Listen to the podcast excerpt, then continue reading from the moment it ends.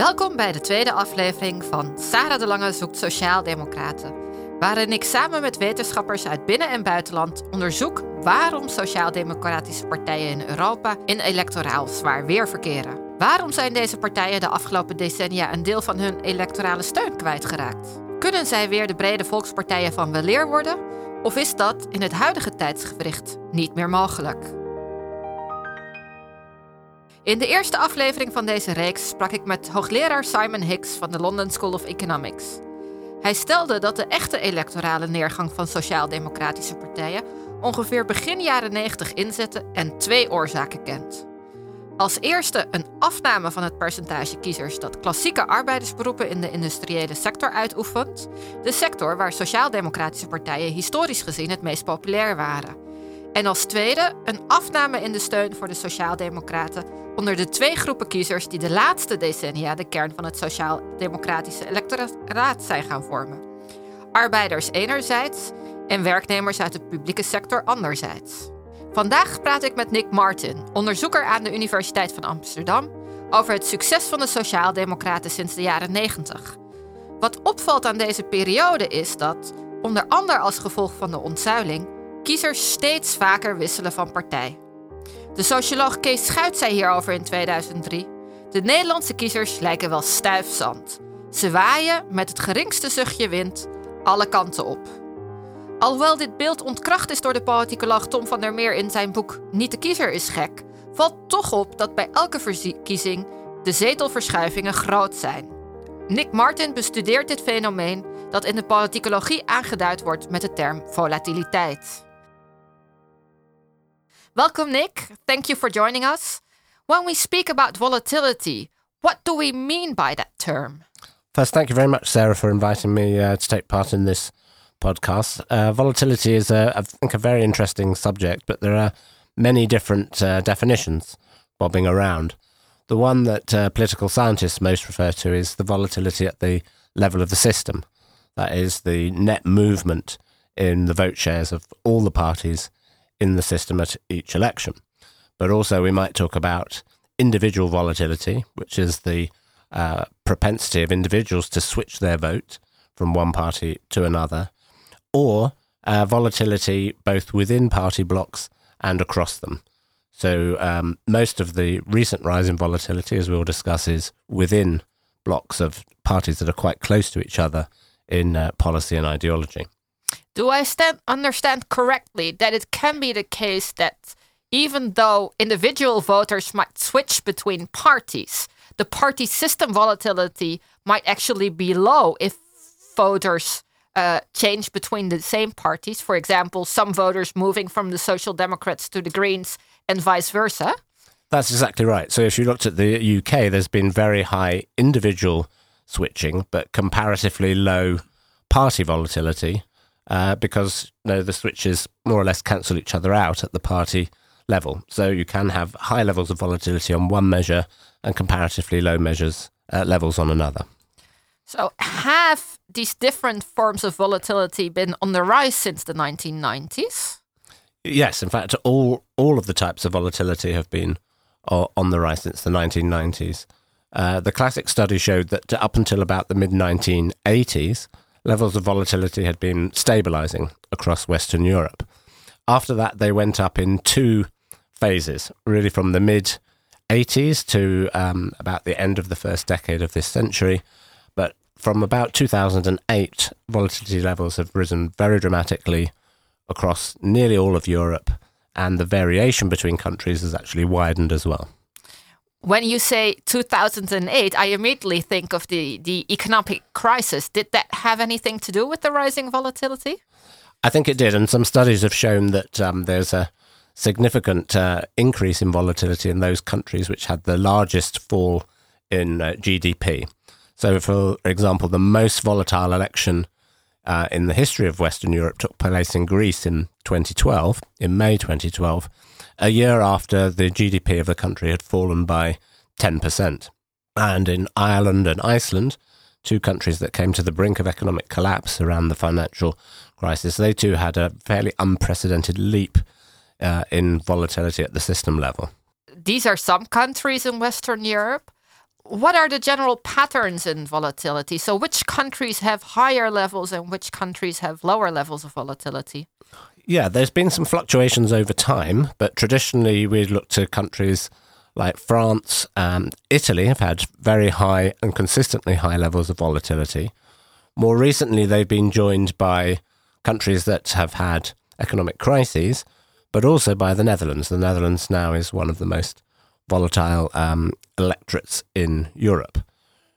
On the other hand, the more quieter countries have tended to be uh, the northern European countries in Scandinavia, but also the UK, Germany, and Switzerland. And Switzerland has a very large number of political parties, but a very stable electoral system. Um, you already mentioned the, the economic crisis, but that's of course a very uh, specific phenomenon took place. Are there more structural explanations as to why volatility is increasing? Yes, I mean, I think if you looked at the um, much wider socioeconomic changes that have afflict, uh, affected all of Western Europe, you've seen a process where the working class, um, as traditionally defined as manual workers, has declined as a proportion of the electorate. So it's less significant electorally. And there's been significant change in the social composition, which has led to some partisan de alignment. So voters have become less attached to their previous party loyalties. And probably this has interacted with the very profound economic changes and the crash to amplify all of these trends and accelerate them. Also, we've seen uh, in Western Europe the entry of a lot of new parties. Uh, populist parties, if you like, of the left, right, and the centre. And these have had um, offered significant new choices to uh, to voters in Western Europe and increased volatility in the countries where they've been most successful. Does that mean that, by definitions, countries like the Netherlands, which have a lot of different parties competing for votes, are the ones that have the highest levels of volatility? Yes, there is a very strong and significant relationship between the number of parties uh, in the system or supported by the electoral system and electoral volatility. So you'll see the the Netherlands has the highest number of parties in Western Europe that get across a one or two percent threshold. Uh, and then if you compare that to countries with relatively low volatility like Portugal and the U- United Kingdom, the electoral system there doesn't support a lot of parties at uh, sufficient level to get parliamentary representation.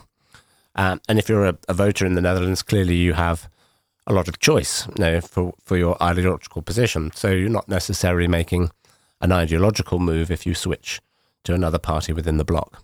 Does that mean that in the Netherlands we just have to accept these high levels of volatility, that they'll always be part of our party system? No, because I think that there is uh, a lot of choice for political parties that they can, by adapting their strategies, respond to, to what is happening in the electorate.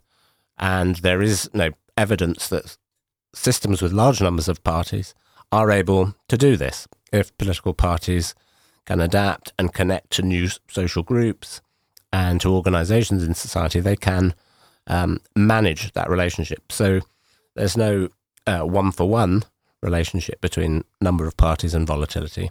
Just there is an underlying relationship there. Can you give us an example of a country in, in Western Europe that actually has a high number of political parties but relatively low levels of volatility? Do, do these cases exist? Yes, I think you'd look to, to countries again in Scandinavia. Um, so Finland uh, and Sweden, and to a lesser extent now Denmark. Denmark has become more volatile in the last few years. But Finland and Sweden both offer a wide range of party choice um, across all political, all party families are represented in parliament from the radical left through to the radical right. And yet there is, you know, there are highly stable results and also increased stability in the last 10 years. So they have bucked the trend uh, in the rest of Europe. And, and what makes the level of volatility le- relatively low in these countries? I think there are a number of uh, factors there. The, the party system itself should be encouraging it, but I think um, it is the connectedness of the political parties there. So, firstly, those societies have retained very high trade union membership. They've barely fall, fallen in the last three decades. And uh, my research is showing that trade union membership continues to play an important role in mobilizing electorates to stay loyal to their uh, historical party choice. They also have very high levels of political party connections with organizations in civil society. So they're more embedded in, the, in their societies, able to respond to new social movements and the emergence of new issues, and not at an institutional distance from uh, society as a whole. So, being embedded in society and having links with all kinds of societal organizations is important for a party to really create some kind of voter loyalty.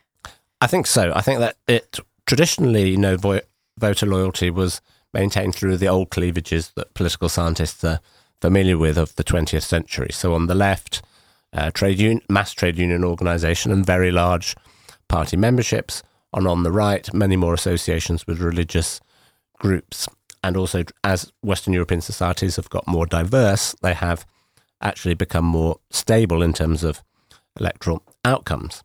So the evidence is showing that those traditional forms have declined relatively, particularly party memberships. Trade union membership still seems to be relevant. But the links that uh, parties maintain with civil society organisations do seem to be very important. They're not only important to parties of the left, interestingly, they're also important to parties of the right. And across Europe, um, right wing parties, particularly in the Christian Democrat tradition, maintain very strong links uh, with organisations in civil society. And the Netherlands is a particularly interesting case as well. It is the only country in Western Europe where what we might call right wing parties are better connected to civil society than left wing parties. And it is also the at the moment the electorate that is most right wing in the whole of Western Europe. There almost seems to be some some sense of surprise in your voice when you talk about th this last finding. Did you expect left wing parties to be better at uh, encapsulating voters than right wing parties when you started out with your research? I did, yes, and I think that that is the most of the discussion in the literature has been about trade unions and mass parties that have traditionally been associated more with the left. And so my anticipation was that right wing parties might be more attached to high level business organizations or to the state, and that left wing parties, particularly radical left and green parties, who are new challengers on the left, um, would have to go through routes of embedding themselves in, in society. But I found that actually um, it applies right across the party spectrum and also that the parties that are individually better at stabilizing their own voters are also the most connected with society. And so it shows that despite the a lot of discussion in the academic literature about parties moving away from civil society, it shows that there's a rich grounds for thinking that there's strategic opportunities for political parties in their relationships with civil society, getting closer, building those relationships on integrity and common causes, and I think you know left wing parties, particularly social democratic parties in Western Europe, um, have to con- look at the way competitors right across the spectrum are using links with society as part of their electoral strategy. So these links with society matter both for left wing and right wing parties. Are there any kind of differences between the parties in what kind of links they establish with society? Yes, there are. So you would see on the the left, there are still strong links with trade unions and with a whole host of what we might call social movements or interest groups in the area of civil and human rights, uh, the environment, and women's organizations. On the right, um, you'll see the associations are much more with religious organizations. So, in a relatively religious country like, like the Netherlands, the ties are very high, but they're also high in Scandinavia, and with business and professional associations. But even within that distinction, there are some surprises. Um, and I think they reflect the changing demographics of uh, party candidates and MPs across Europe. All the evidence suggests that they are increasingly drawn from public sector employees uh, working for the state, teachers, and other professionals. And then, even amongst um, Communist Party candidates in countries such as Portugal, you find significant connections to business and professional associations, reflecting, I think, the increasing middle class professional nature of elected politicians in Western Europe. In this podcast, we're particularly interested in social democratic parties. Um, which are the social democratic parties in Western Europe that are that are best organized, that have the strongest ties to society, and which are the ones that are sort of lagging behind? Yeah, that's a very interesting question. There, there's a, a very stable belt of uh, social democratic parties: the German SPD, the British Labour Party, with very high connections. They're also very high in Scandinavia, in Sweden, Denmark, Finland, and Norway. Um, there's been some countries where there's been a dramatic transformation in the connections. So PASOK, uh, the Socialist or Social Democratic Party in Greece, did have one of the highest levels of connection to society. But through the economic crisis um, from 2009 through to 2015, its connections with society collapsed. Um, so the evidence is that you know where parties have failed to maintain their connections, uh, the French Socialist Party, PASOK being the two most obvious examples, they've had the biggest drop in their electoral support and, uh, and some quite extraordinarily large drops in their electoral support. But those that have been successful uh, also tend to be countries where there's good trade union representation as well. So Sweden, Finland as well. Um, but Scandinavian and the Middle European countries are the best. How does the Dutch PvdA fit into this pattern?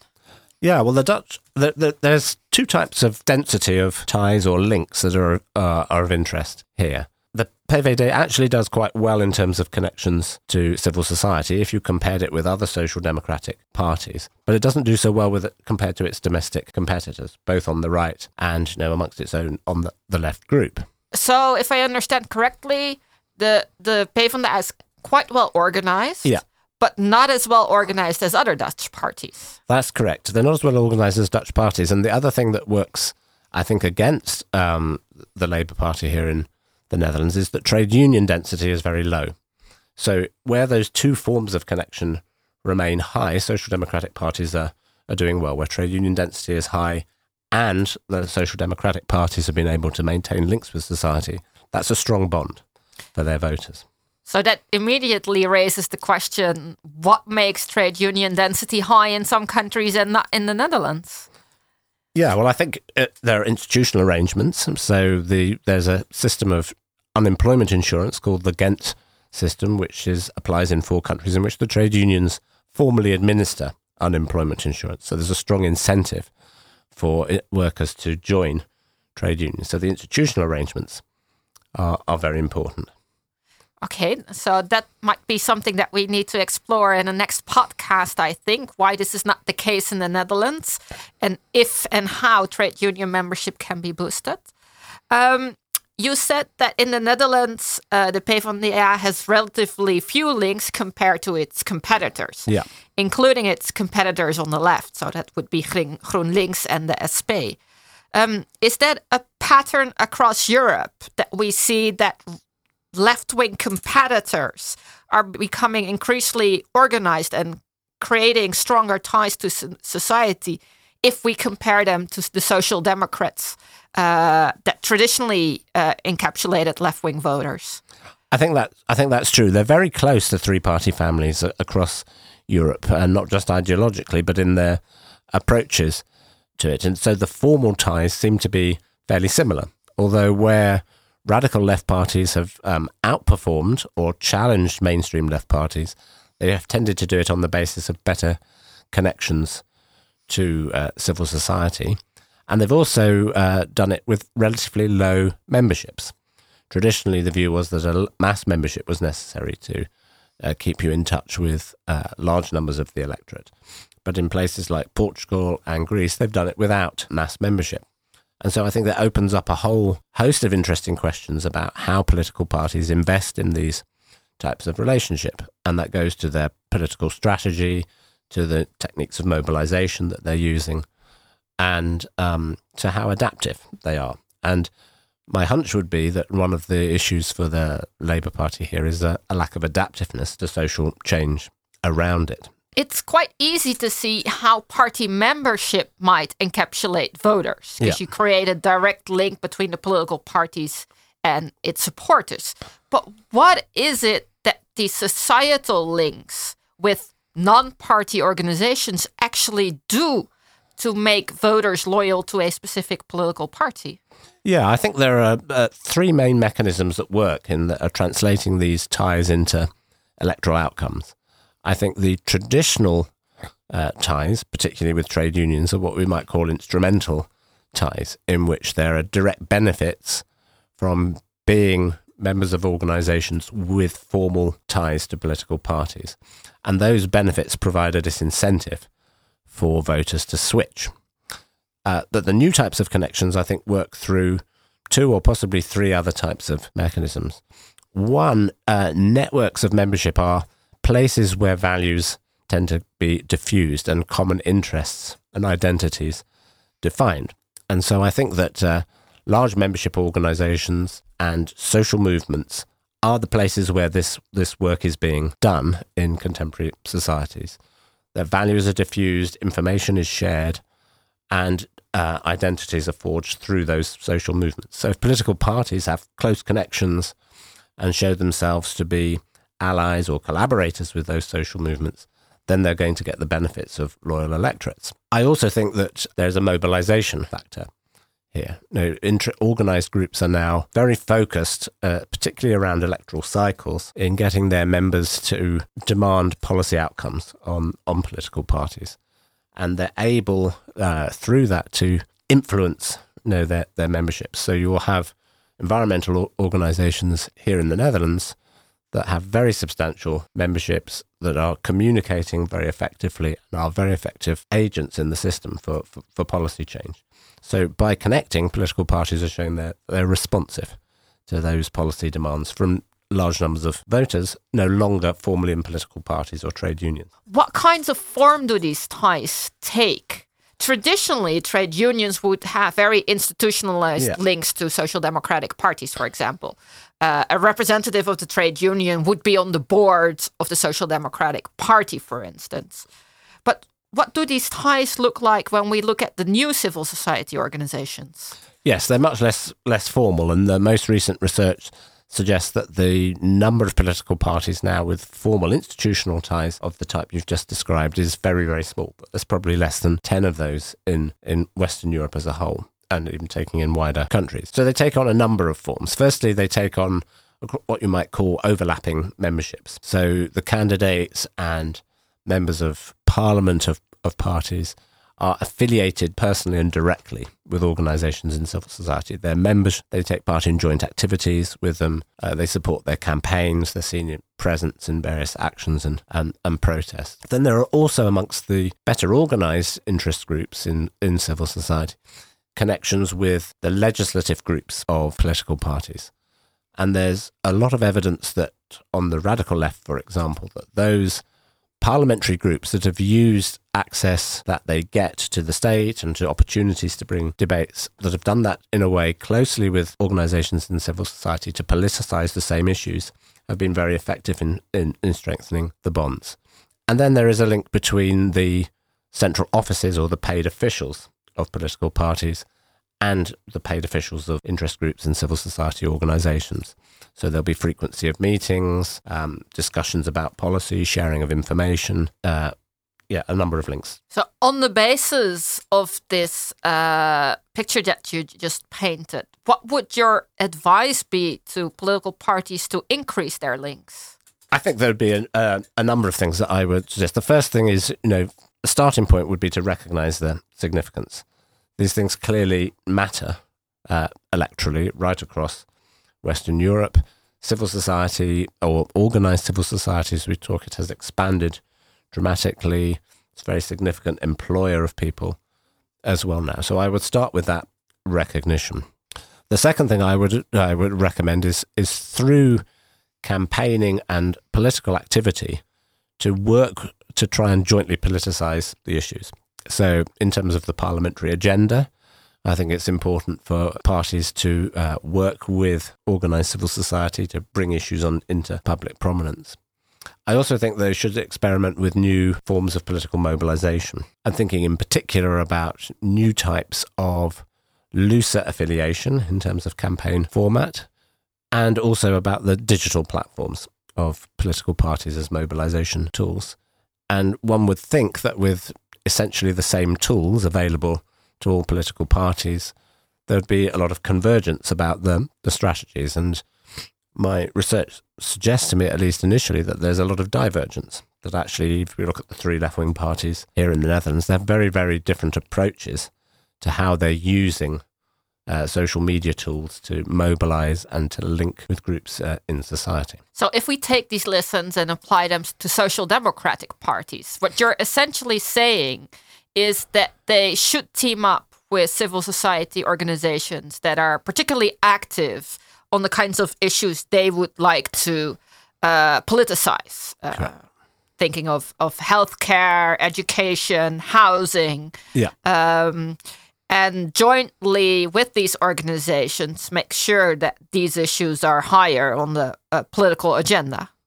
Absolutely, and I think that um, some, I think where it's been very successful is in a number of the radical left parties who also, uh, amongst themselves, show a wide variation of, of, of practice, where quite small groups very effectively use their parliamentary and legislative resource to, uh, just as you say, to bring particular issues to higher prominence, use the amount of their access to debates to initiate pieces of legislation to bring those issues into to prominence. And in reverse, I think it's very important for party elites to maintain genuine affiliations with civil society. I think it's very important that political parties are seen as having integrity in this process and not as purely uh, trying to manipulate those new membership organisations for which they are. They're not institutionally affiliated. So there has to be demonstrations of integrity, and a lot of these are are done in initiatives like salary sacrifice schemes or other initiatives. The Belgian Workers' Party is particularly interesting in the range of initiatives that it takes to try and demonstrate to campaign organisations around housing, precarious work, that they are, you know, not part of the system, but part of the people. So you're saying that social democratic parties in this respect can learn from more radical left parties, social populist parties, for example, like the SP in the Netherlands or the PvdA in Flanders. Now, the uh, Social Democratic Party, that is often seen as, as closest uh, to these radical left parties, both in terms of its ideology, but also in its way of organizing, is of course the Labour Party in the UK. Now, I would like to take the opportunity yeah. to exploit your presence here as a UK citizen uh, to to ask you about this particular party. Um, recently, I I read uh, that the party had achieved its highest uh, membership share in in its history, with uh, recruiting now a total of five hundred eighty thousand members what kind of role do, do members, but also ties to, our, to civil society, play for the Labour Party in the UK? Yeah, I mean, I think potentially they're very significant. I, although the Labour Party lost the election in December, it still polled a higher share of the vote than any social democratic party in all of the Western European elections held in the same year. Shouldn't we just attribute that to the first past the post system in the UK? There's a significant element of that, yes, and I think that there are the Labour Party is probably three parties, you know, bonded together as a result of the electoral system. It fulfills nearly all of the roles that the three parties do here. I think ha- it's always important to understand that the Labour Party was actually set up by the trade unions. So there's a very unique institutional relationship there. In many other parts of Europe, social democratic parties came first and the trade union movement up after, but it was originally called the Trade Union Representation Committee. Trade union membership has declined quite dramatically in, in the UK. It's much more in line with their other patterns. But what has happened in the UK, which I think is interesting, is a revival of party membership. It isn't just in the Labour Party that membership has has soared, uh, but also in the Greens and the Liberal Democrats. So there's been a reversal of the trends which are still going on elsewhere in Europe of decreasing membership. So I think it is a very interesting model, but I think the Conservatives actually, in many respects, are illustrative of uh, a capability of being strategically adaptive, flourishing as a mainstream party whilst volatility increases. And I check the figures today that they've now increased their share of the vote in six successive elections. So you have to go all the way back to 2005 in every election since then, they've increased their share of the vote, whilst the system has got more volatile. And I think that what the increasing volatility enables is uh, strategic agility. And if a party is strategically agile, it can manage the, the, the changes. And actually, I would look to, to their messaging, to the way in which they've uh, gone after traditional voters of the Labour Party as uh, something that is, poses a tremendous threat to the future existence of the Labour Party. So the PvdA in the Netherlands can learn from Labour, but it can learn even more from the Conservatives. I think what they can learn from them is being strategically adaptive. And I think that what the Labour Party is benefits from very large trade unions now from an unprecedented surge in membership and a belief that membership translates into influence. You can join the Labour Party for a relatively small fee as an affiliated supporter and take part in the leadership elections right away, and a, and a strong sense of mobilisation in the U- UK and anguish and anxiety about the consequences of a conservative uh, government for 10 years or more. But I think that that's a point I made earlier that right wing parties are successful in making these links with society. And social democratic parties should not just think that that's an issue between their left of centre competitors, but it's right across the spectrum. And they're actually now being, the Conservatives, probably at the head of making connections with traditional groups of social democratic voter. Speaking of the leadership election, uh, will these societal ties also play a role in that election? Will the candidates with most ties to society have a benefit? That is that's an intriguing question. Um, I think that the factionalism in the Labour Party might be might be stronger. I think that uh, what there are a huge number of instrumental voters for the Labour Party in the UK as the only uh, the main progressive party if you wish to have, pursue a political career, career or get elected anywhere in the UK electoral system. You need to be if you're a progressive in the Labour Party. I don't know the answer to that question. I think it's an in- intriguing one. If I look at the four candidates that are still in the hat, as it were, they uh, have political differences, they have regional differences. There's a very strong urge within the Labour Party, or at least on the on its left, to claim the true working class origins of the party, despite the fact that the working class electorate now in the UK is not enough to elect a Labour majority government. I think that there are other demographic factors that will play a key par- part in that. The Labour Party has lost its support in what it calls its heartland, partly as a result of a decline in class voting, but also as a decline in the demographics, so that the ageing population of northern towns that voted for the Conservatives is probably more significant than the loss of working class voters. Political scientists are always very reluctant to make predictions, but who do you think has the best chances to win the Labour leadership election? Yeah, well, I, I feel a bit more confident about making a prediction because the last election is the first time in four national votes in the UK that I was right. The previous three I got dramatically wrong. Um, my my hunch is that um, the Labour Party needs to take a more pragmatic line. I don't think this would mean a, a, a wholesale reversion to the Blairite type philosophy. And so my hunch is that Keir, Keir Starmer has the intellect and appeal, a wider, widest appeal. And I, I don't want to see another Conservative government for 10 years. And I think that actually having a less than ideologically perfect option, but one that can end that Conservative government, that's going to appeal, I think, decisively to Labour members. The other candidates are all interesting. Lisa Nandy, I think, is a particularly interesting one as a much younger, much younger woman. But my hunch is, my hunch is that he will win, and my hunch is that he has a good chance of recovering ground for the Labour Party. We'll check your prediction in our next podcast. Thank you so much, Nick Martin of the University of Amsterdam, of joining us today. Uh, it was great to learn how parties can still maintain a loyal electorate to their ties to society.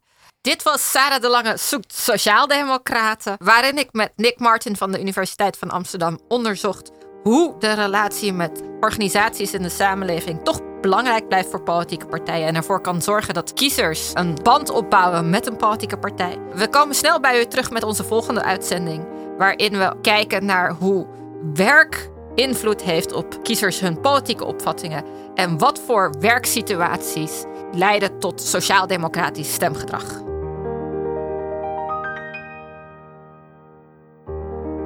Deze podcast wordt gemaakt door de Wiardi Beckman Stichting.